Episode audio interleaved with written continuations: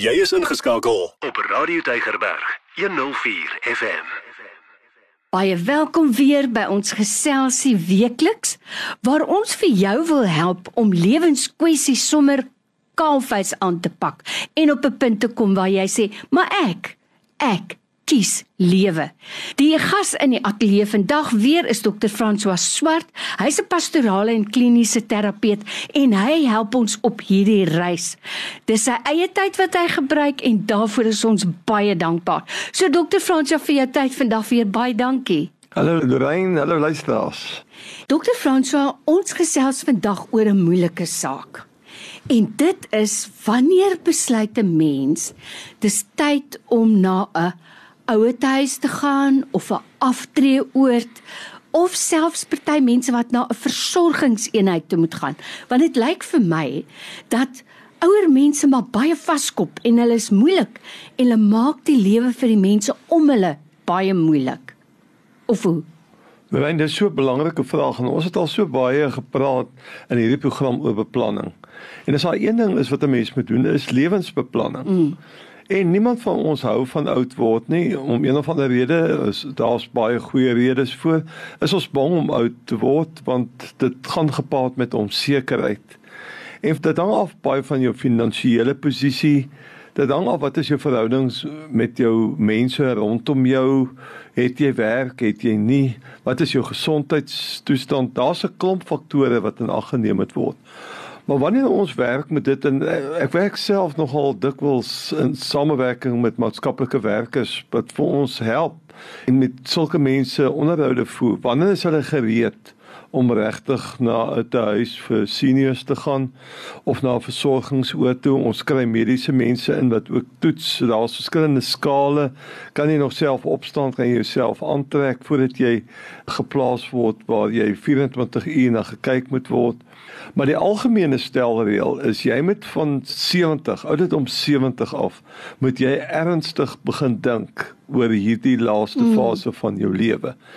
En jy moet miskien met ander mense ook gaan sit en praat daaroor.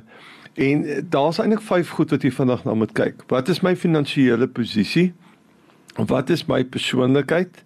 Want deesdae het jy opsies dat jy eers in 'n periode kan ingaan van versorgers wat vir na jou huis toe kom mm. en dalk werk dit vir jou beter. Dit kos miskien 'n bietjie meer, maar uh, as jy 'n meer introvertiese persoonlikheid is en dit gaan vir jou beter werk, dan is dit 'n goeie roete om te gaan. En daar's heelwat uh, organisasies wat hulle beywer vir tuisversorging.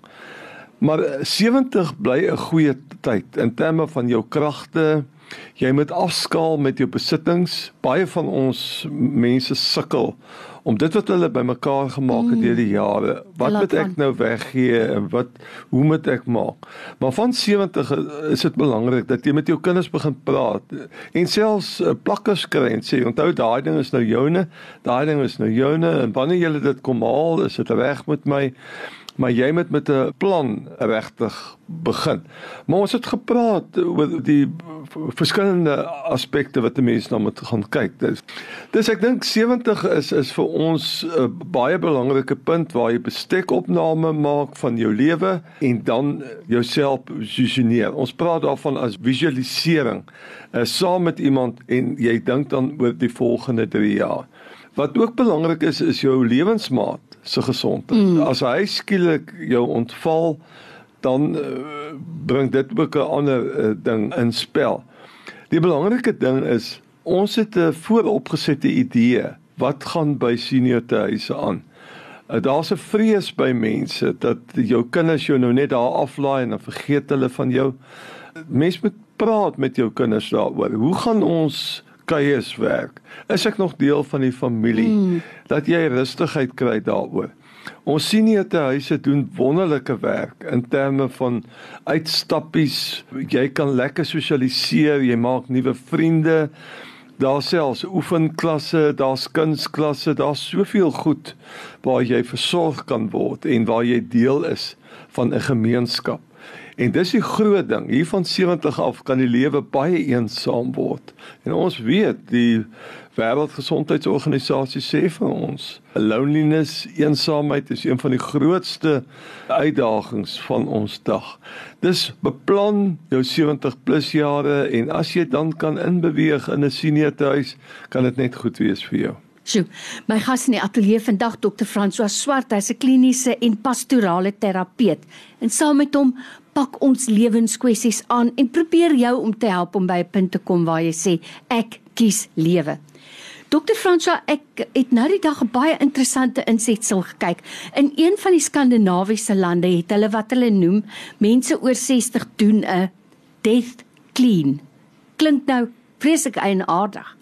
Maar hulle sê dan gaan sit hulle en kyk na al hulle besittings in die huis en hulle sê vir hulle self: "Wat wil ek hê moet mense opruim as ek nie meer hier is nie?" En wat sal wat kan ek nou alself doen sodat ek die taak vir hulle makliker kan maak? Dis 'n ongelooflike ding. En dan gaan sit mense en sorteer hulle goed uit. Hier by ons dink ek amper is makliker om te sê 'n aftree skoonmaak wat gaan ouer huis toe en wat gaan nie en tel elke ding op liefdevol en sê hoorie ek het jou so geniet maar jy gaan nie saam my ou huis toe nie gee dit weg. Daar's altyd iemand wat dit kan gebruik.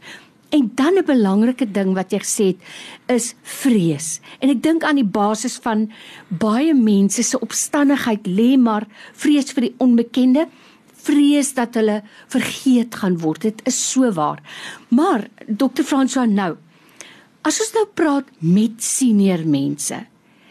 Hulle sal vir jou sê ek sal besluit wanneer sal ek na aftree oor toe gaan.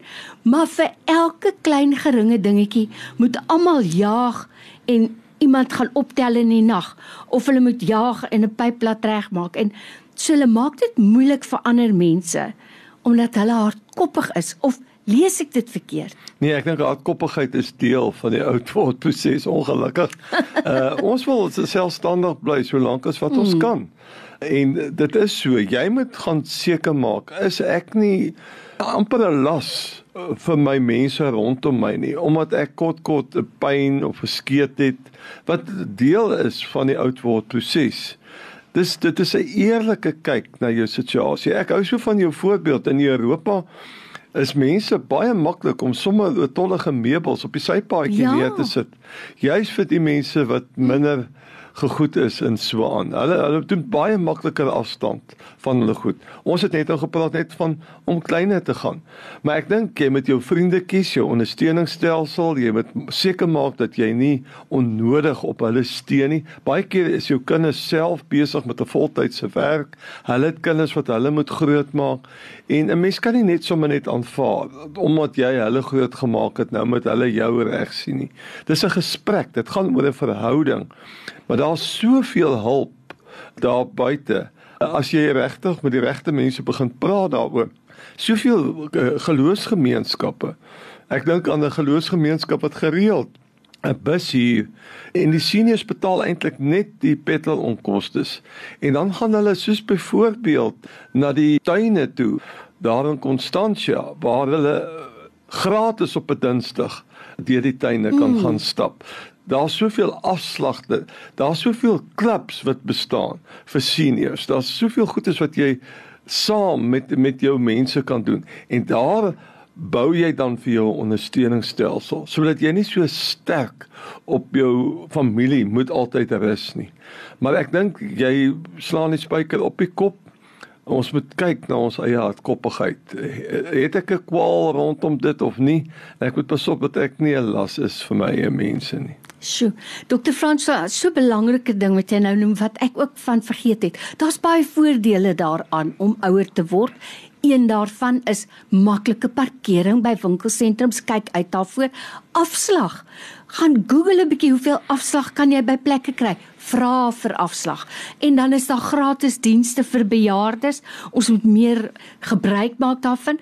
Maar ek dink amper die belangrikste ding waaroor ons vandag gepraat het is beplanning vir jou seniorjare saam met 'n ondersteuningsgroep. Dalk is dit nog steeds die goue reël. Ek dink jy slaan die spyker op die kop en uh ek dink ons moet ook ons senior wees, geniet. Ons het 'n bietjie ervaring. Ons kan ons het baie stories om te vertel. Ons konsentreer om baie meer te lag en kom ons vat elke dag soos wat hy kom. Sjoe, wyse woorde Dr. François Swart. Vir jou tyd vandag weer baie dankie. Dankie Lorraine en groetnis aan al die luisteraars. Elke dag jou nommer 1 keuse. Radio Deugerberg 104 FM.